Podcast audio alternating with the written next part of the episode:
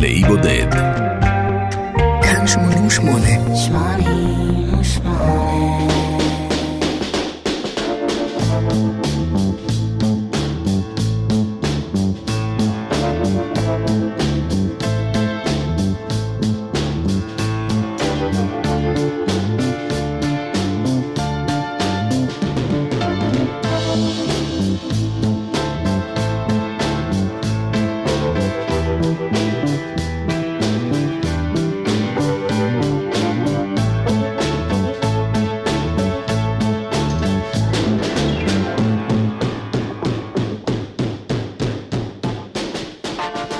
משפט המפתח הוא אקסיומה שאין לערער עליה, לפחות לא באוזניי. אין, לא היה ולא יהיה גיטריסט כמו ג'ימי הנדריקס. המשפט הבא הוא עובדה שאין עליה עוררין. ג'ימי הנדריקס הוציא לאחר מותו יותר אלבומים מאשר בחייו. חייו קצרים יש להוסיף. הוא אחד מנשיאי הכבוד של מועדון ה-27. Electric Ladyland הוא אלבום האולפן השלישי והאחרון של ה Jimi Hendrix Experience, שיצא פחות מחודש לאחר מותו של הנדריקס ב-1970. מדובר באלבום כפול. זה היה האלבום היחיד של ה Experience, שבו הפקת האלבום כולו נזקפה לזכותו של הנדריקס בלבד. זה גם האלבום המצליח ביותר של הנדריקס מבחינה מסחרית, והיחיד שכבש את הצמרת של מצעד מכירות האלבומים באמריקה. בפרק הפותח, הנדריקס מציג לפנינו מקום דמיוני בשם Electric Ladyland. המקום נקרא כך בהשראת המנהג הידוע שלו להיות מעורב בקשרים מיניים עם שותפות רבות, בלי להיות מוגבל לפרטנרית אחת ויחידה. הוא כינה אותן, את השותפות, Electric Ladies. כנראה שגרופית אחת ידועה של סצנת הרוק של שנות ה-60 בשם דבון ווילסון שימשה השראה למילים. ההשראה למוזיקה היא זמר הנשמה קרטיס מייפילד. יוצאים לדרך, אני מנחם גרנית, הפלגה נעימה לכולנו.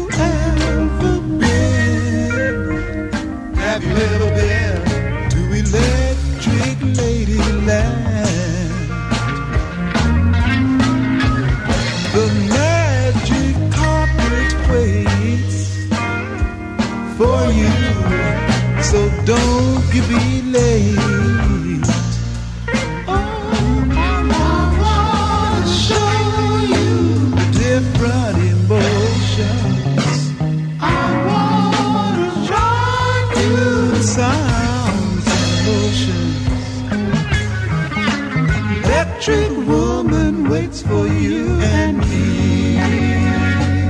So it's time we take a ride. We can cast all your hang-ups over the side while we fly right over the love-filled sea. Look up ahead, I see the love land. Soon you will understand.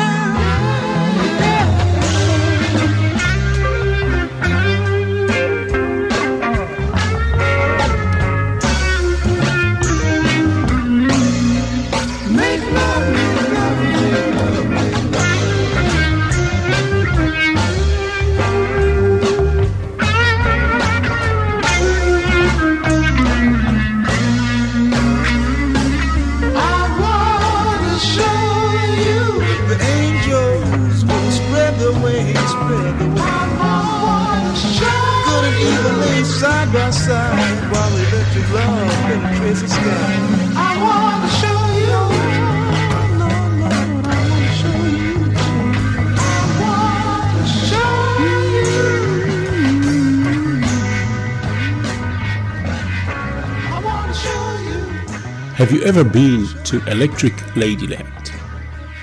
גיטרה, גיטרה בס, שירה ומיקסים, ג'יימס מרשל הנדריקס. על שם האלבום ושם הקטע ששמענו נקרא גם אולפן הקלטות בשם Electric Lady בגריניץ' וילג' בניו יורק. Electric Lady Studios הפך במהירות רבה לאולפן מפורסם שהקליטו בו בין השאר לד זפלין, סטיבי וונדר ודייוויד בואי. הוא נבנה במיוחד עבור הנדריקס, כדי שתהיה לו תחושה מרגיעה תוך כדי הקלטה, או כדי לעודד את היצירתיות שלו, ויחד עם זה גם לספק לו אווירת הקלטה מקצועית. הנדריקס בילה רק עשרה שבועות בהקלטה באלקטריק ליידי, רובן בשלבי הבנייה האחרונים של האולפן. מסיבת הפתיחה לאולפן נערכה ב-26 באוגוסט 1970. לאחר מכן עלה הנדריקס על טיסת Air India ללונדון כדי להופיע בפסטיבל באי ווייט, והוא מת פחות משלושה שבועות לאחר מכן. האלבום הזה, Electric Ladyland, לא הוקלט באולפן האמור, אלא בשלושה אולפנים שונים. אולימפיק ומייפייר בלונדון ורקורד פלנט בניו יורק סיטי. בניגוד לרוב הרצועות באלבום הזה, בהקלטה הבאה משתתף ההרכב המלא של ה-Experience. הנדריקס עצמו, נואל רדינג בגיטרה בס ומיץ' מיטשל בתופים. הנדריקס גם מנגן כאן בקאזו מאולתר שהוא הרכיב ממסרק ומנייר צלופן. בהקלטה הזו משתתף בשירה דייב מייסון מלהקת הטראפיק. תוכלו לשמוע אותו שר את המילה טראפיק בטון הגבוה בפזמון החוזר. חבר נוסף מלהקת הטראפיק, סטיבי ווינווד, משתתף גם הוא באלבום הזה, ואנחנו נפגוש אותו בשלב מאוחר יותר. Crosstown Traffic.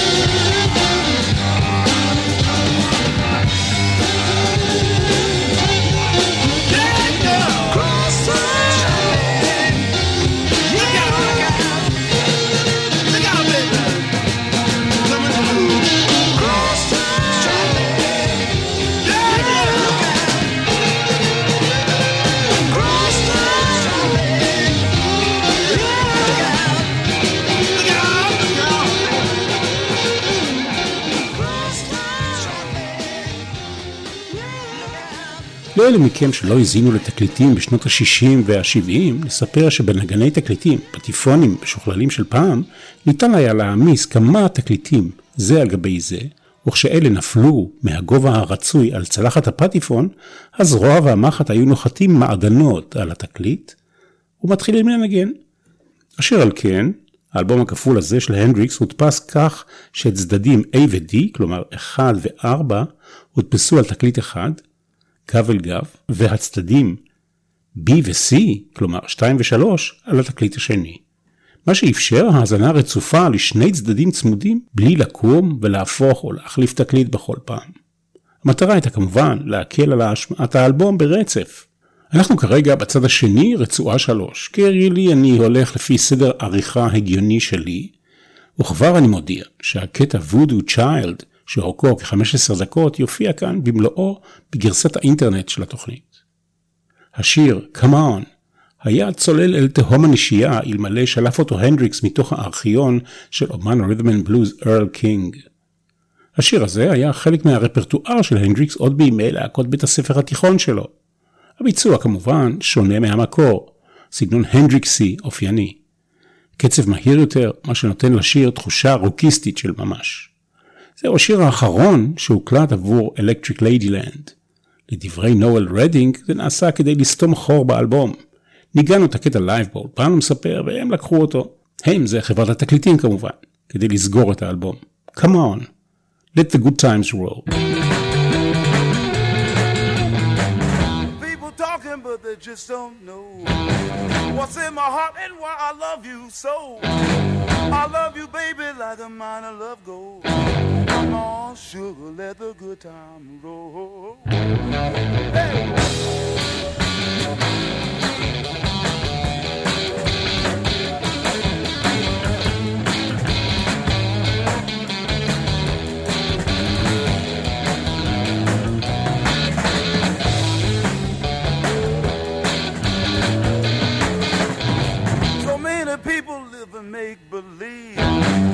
Keep a lot of dirt up their sleeve. But my love, baby, isn't the kind that folds. Come on, baby, let the good times roll. Let the good times roll. Oh, let the baby come on and let that into your soul.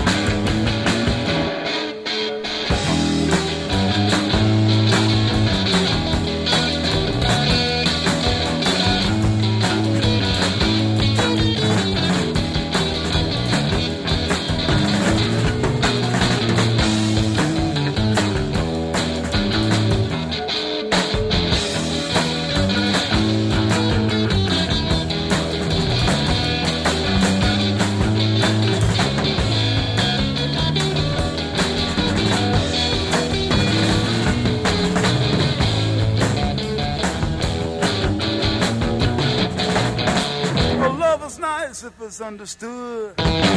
It's even nicer when you're feeling good. You got me flipping like a flag on a pole. Come on, sugar, let the good time roll. Hey! Let the good time roll. Hey!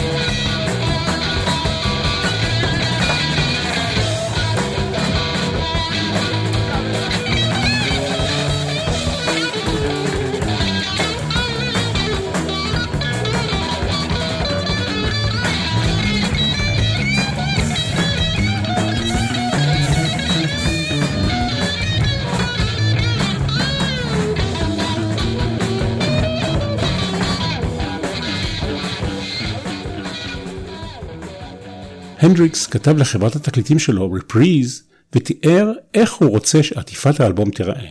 הוא ביקש במפורש תמונה צבעונית שתצולם על ידי לינדה איסטמן, הלוא היא לינדה מקארטני, טרם נישואיה לפול. בתמונה, הוא ולהקתו יושבים עם ילדים על הפסל של אליסה בארץ הפלאות בסנטרל פארק בניו יורק. הוא אפילו צייר סקיצה של הרעיון הזה לטובת העניין. אבל חברת התקליטים לא נענתה. במקום זאת, רפריז השתמשה בתמונה מטושטשת באדום וצהוב של ראשו של הנדריקס, שצולמה בהופעה בלונדון על ידי מישהו אחר.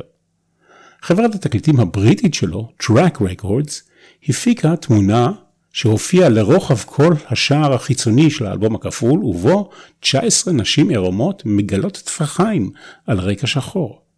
הנדריקס הופתע והביע מורת רוח, אבל ברעיון שנתן מאוחר יותר דווקא הביע קורת רוח. כך או כך, העטיפה הזו נאסרה על ידי סוחרים שונים בטענה שהיא פורנוגרפית.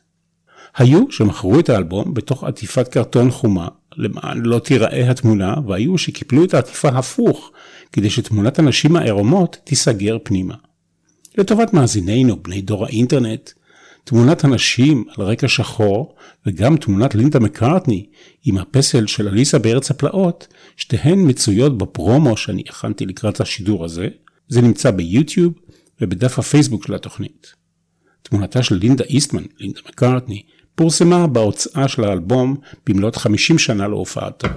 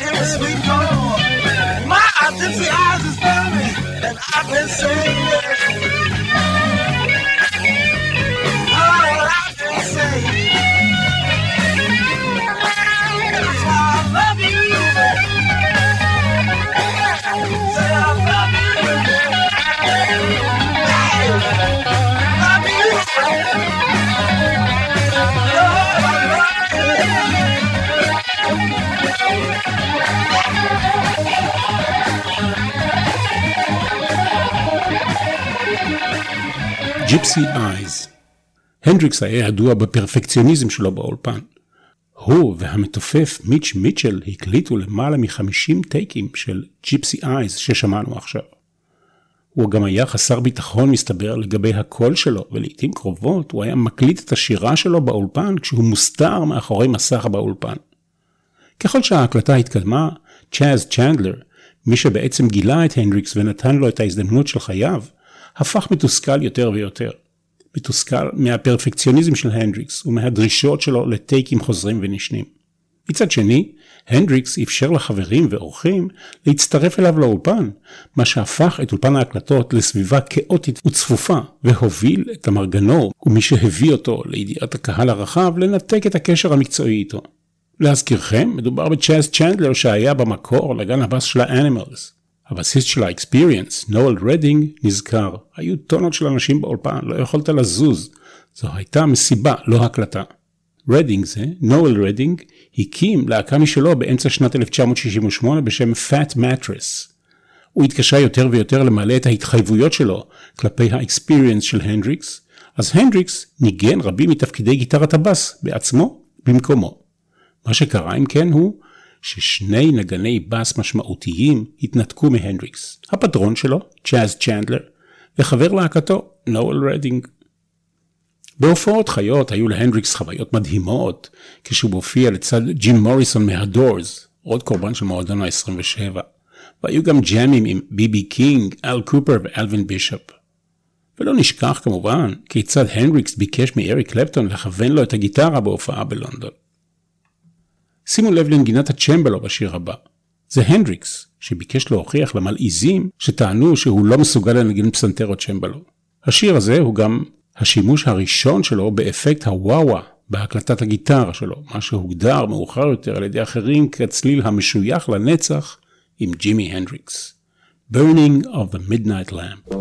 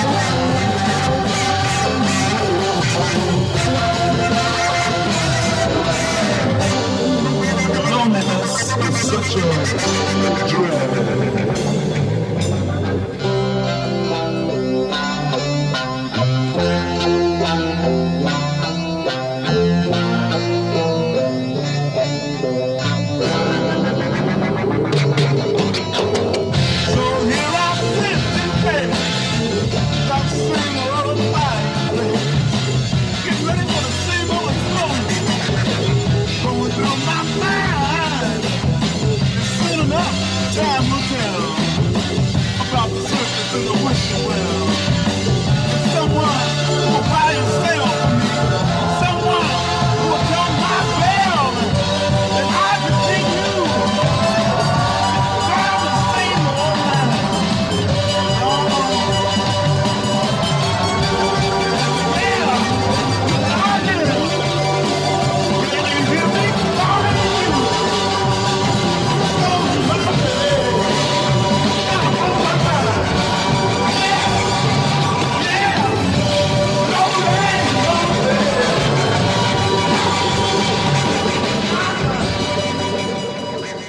הנדריקס אמר כך על השיר הזה ששמענו: כשאתה נע ונד, ולא משנה מה הכתובת שלך, אין מקום שאתה יכול לקרוא לו בית.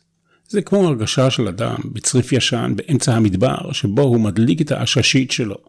ובמילים אחרות, הצריף במדבר הוא מטאפורה לתסכול החונק את הנדריקס, שבמאמצים גדולים ורק אחרי מסעות ולבטים, הצליח להפיק את השיר הזה ששמענו באולפן. הזמן טס והנדריקס מרגיש כמו הקרקס שמגיע לעיר וממשיך הלאה מבלי להשאיר זכר לכך שהוא אי פעם ביקר שם. אין שורשים, אין בית, אין אהבה, אבל הנדריקס שומר על להבת האהבה שלו, ובסופו של דבר ה Midnight Lamp שבשיר, היא מבחינתו מדורה גדולה הנראית למרחוק, והנדריקס קורא לכל מי שמעוניין להקשיב. והנה אחרון הקטעים הסוריאליסטיים של ג'ימי הנדריקס. הוא מנבא אפוקליפסות, הוא מיואש מהאנושות, הוא חוזר אל הים שהוא מקור כל החיים. זו יצירה שיש בה התייחסות לשתי מטאפורות האהובות עליו ביותר, חול ומים, ורמז לאמונתו בכוחה של החשיבה החיובית. ובמילותיו של הנדריקס עצמו, משהו שירחיק את דעתך ממה שקורה, אבל לא לברוח לגמרי מהמציאות, כמו שאנשים מסוימים עושים. בקטע הזה מנגן חבר נוסף מלהקת הטראפיק הבריטית, קריס ווד, בחליל. 1983, A Merman I Should Turn to Be.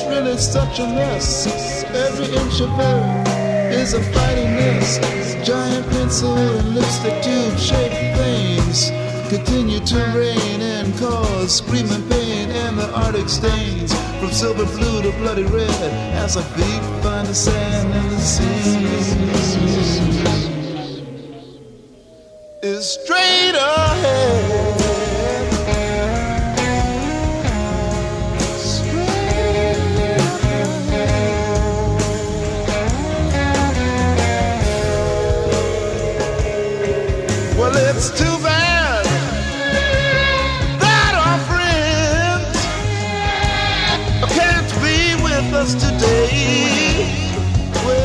It's too bad. The machine that we built would never save us. That's what they say. That's why they coming with us today. And they also said it's impossible breathe underwater forever was a main complaint. And they also threw this in my face. They said, uh, anyway, you know good and well it would be beyond the will of God and the grace of the King grace of the King.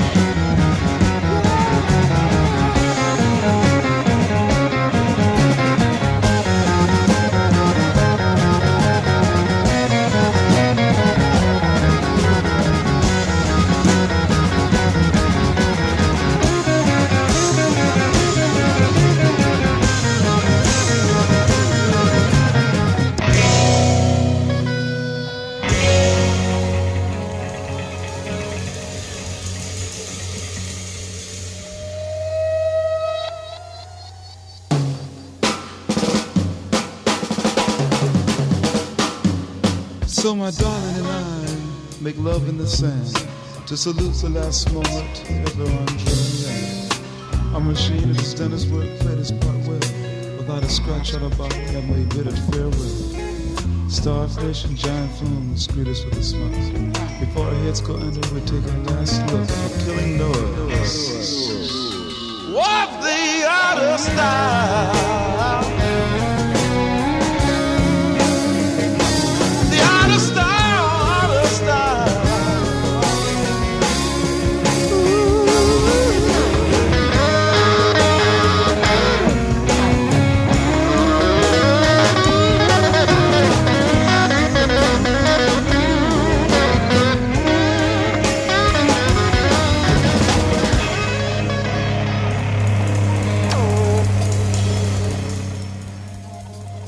ג'ימי הנדריקס, ואני מצטט, היה ללא ספק הנגן הכלי הגדול ביותר בהיסטוריה של מוזיקת הרוק.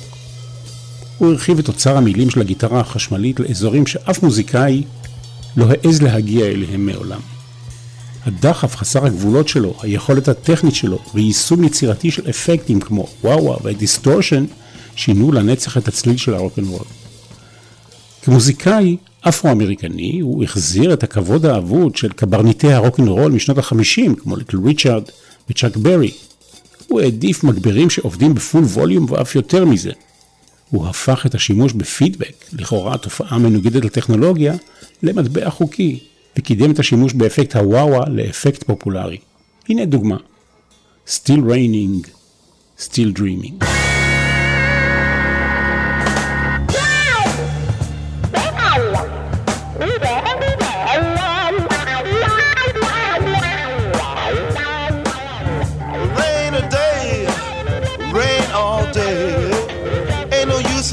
Uptight. Just let it groove its own way.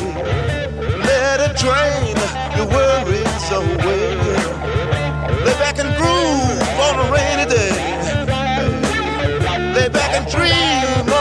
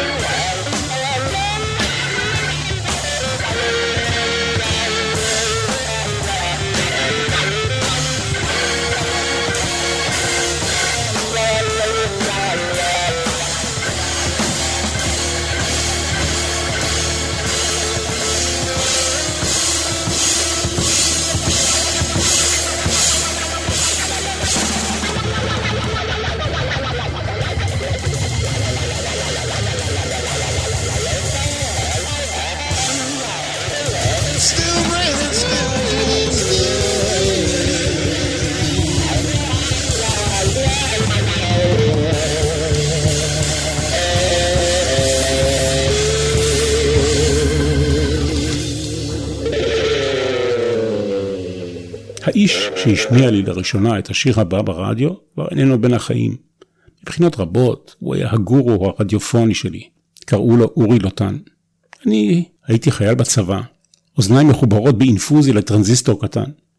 זה היה רגע בלתי נשכח. אורי לוטן בתוכניתו הקבועה בגלי צה"ל אמר משהו בנוסח, ועכשיו נשמע את ג'ימי הנדריקס בשיר של בוב דילן. נעלמתי דום.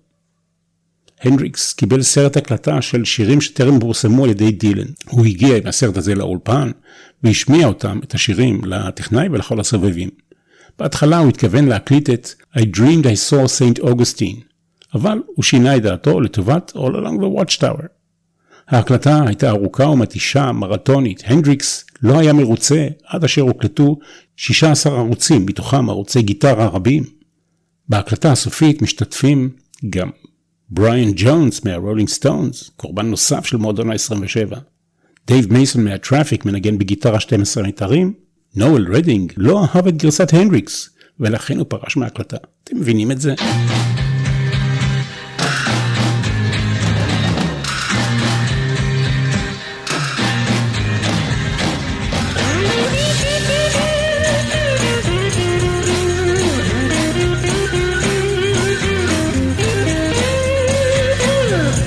Must be some kind of way out of here. Say the joker to the thief. There's too much confusion. I can't get no relief. Businessman there, drink my wine. Plowman,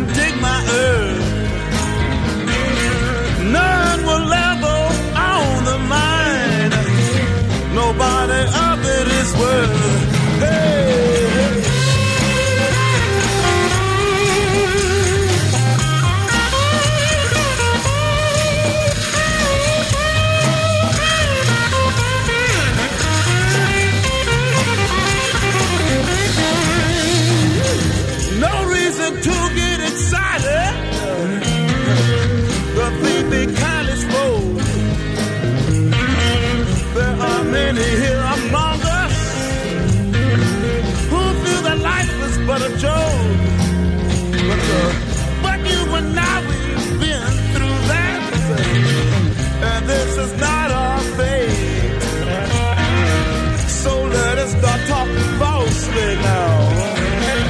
The hour's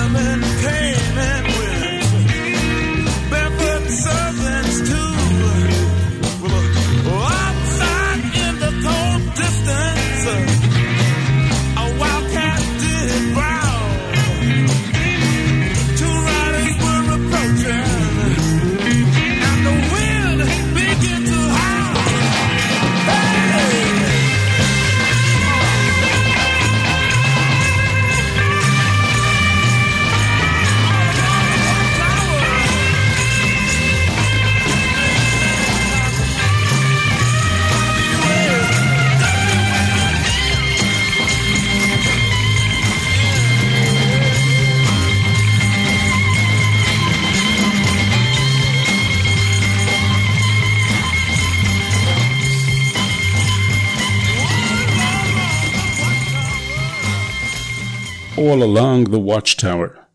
ב-1995 דילן תיאר את התגובה שלו כשהוא שמע לראשונה את הגרסה של הנדריקס. הייתי המום, היה לו כישרון כזה. הוא מצא בשיר אוצרות חדשים, דברים שאנשים אחרים לא העלו בדעתם שאפשר למצוא שם. אני אימצתי את הגרסה שלו, ומאז שהוא מת, אני מנסה לעשות את זה כמוהו, וכל פעם אני מרגיש שזו המחווה שלי להנדריקס. כך בוב דילן. הנדריקס השתמש מדי פעם בשמות שונים ובאיות שונה עבור חלק משיריו. הוא כתב את השמות בכתב ידו לחברת התקליטים. הוא השתמש ב-Voodoo Child וב-Voodoo Child לסירוגין. מותר אם כן להתבלבל, הקטע החותם את האלבום ייקרא לצורך העניין Voodoo Child Slight Return, והוא מבוסס על הג'ם הארוך שיחתום את התוכנית שלנו. הקטע הקצר שנשמע הוקלט למחרת הג'ם הארוך הזה, כאשר הגיע צוות צילום של ערוץ הטלוויזיה ABC כדי לצלם כתבה ולהראות את הנדריקס וחבורתו מקליטים באולפן. Voodoo Child Slight Return.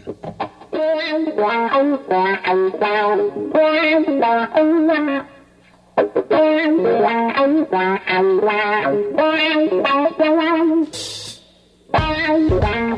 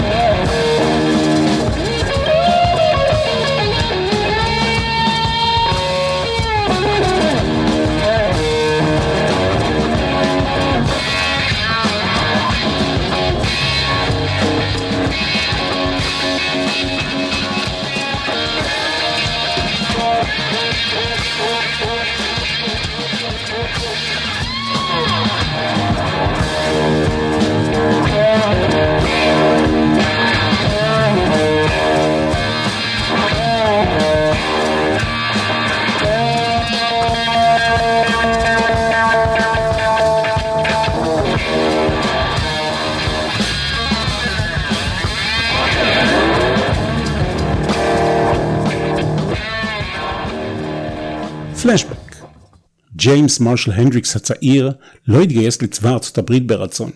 הוא כבר היה נגן גיטרה משופשף ב-1961.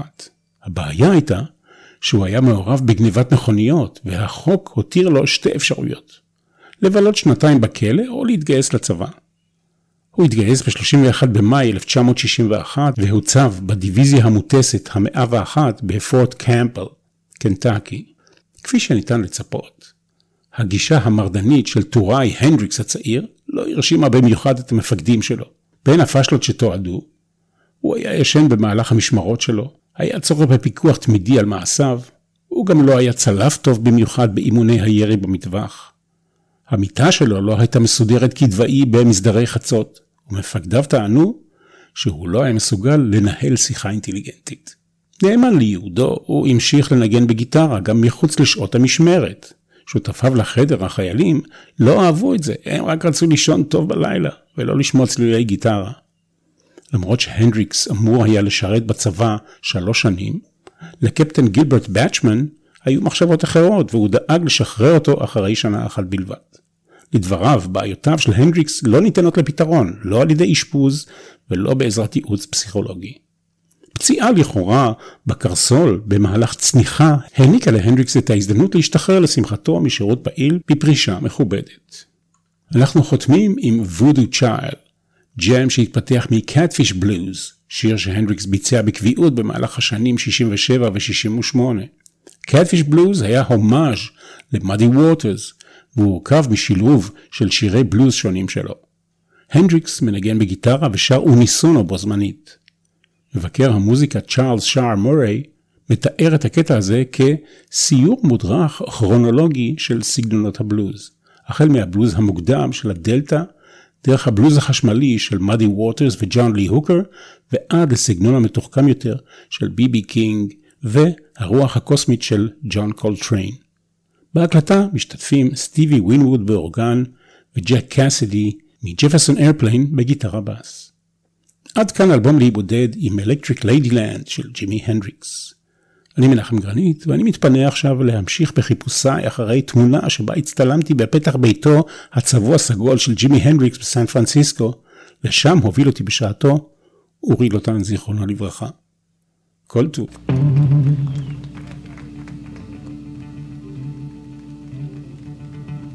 I'm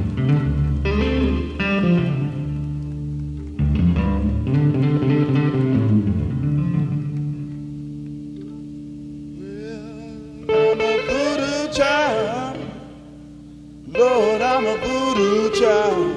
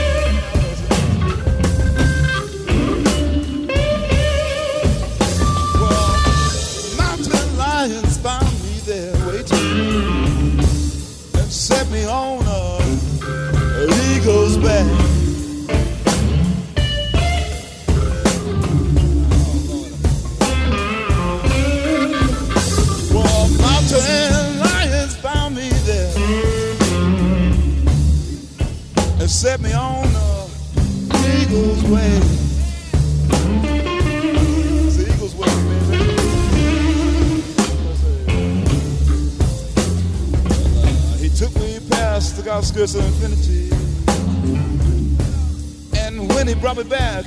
He gave me Venus, which is green.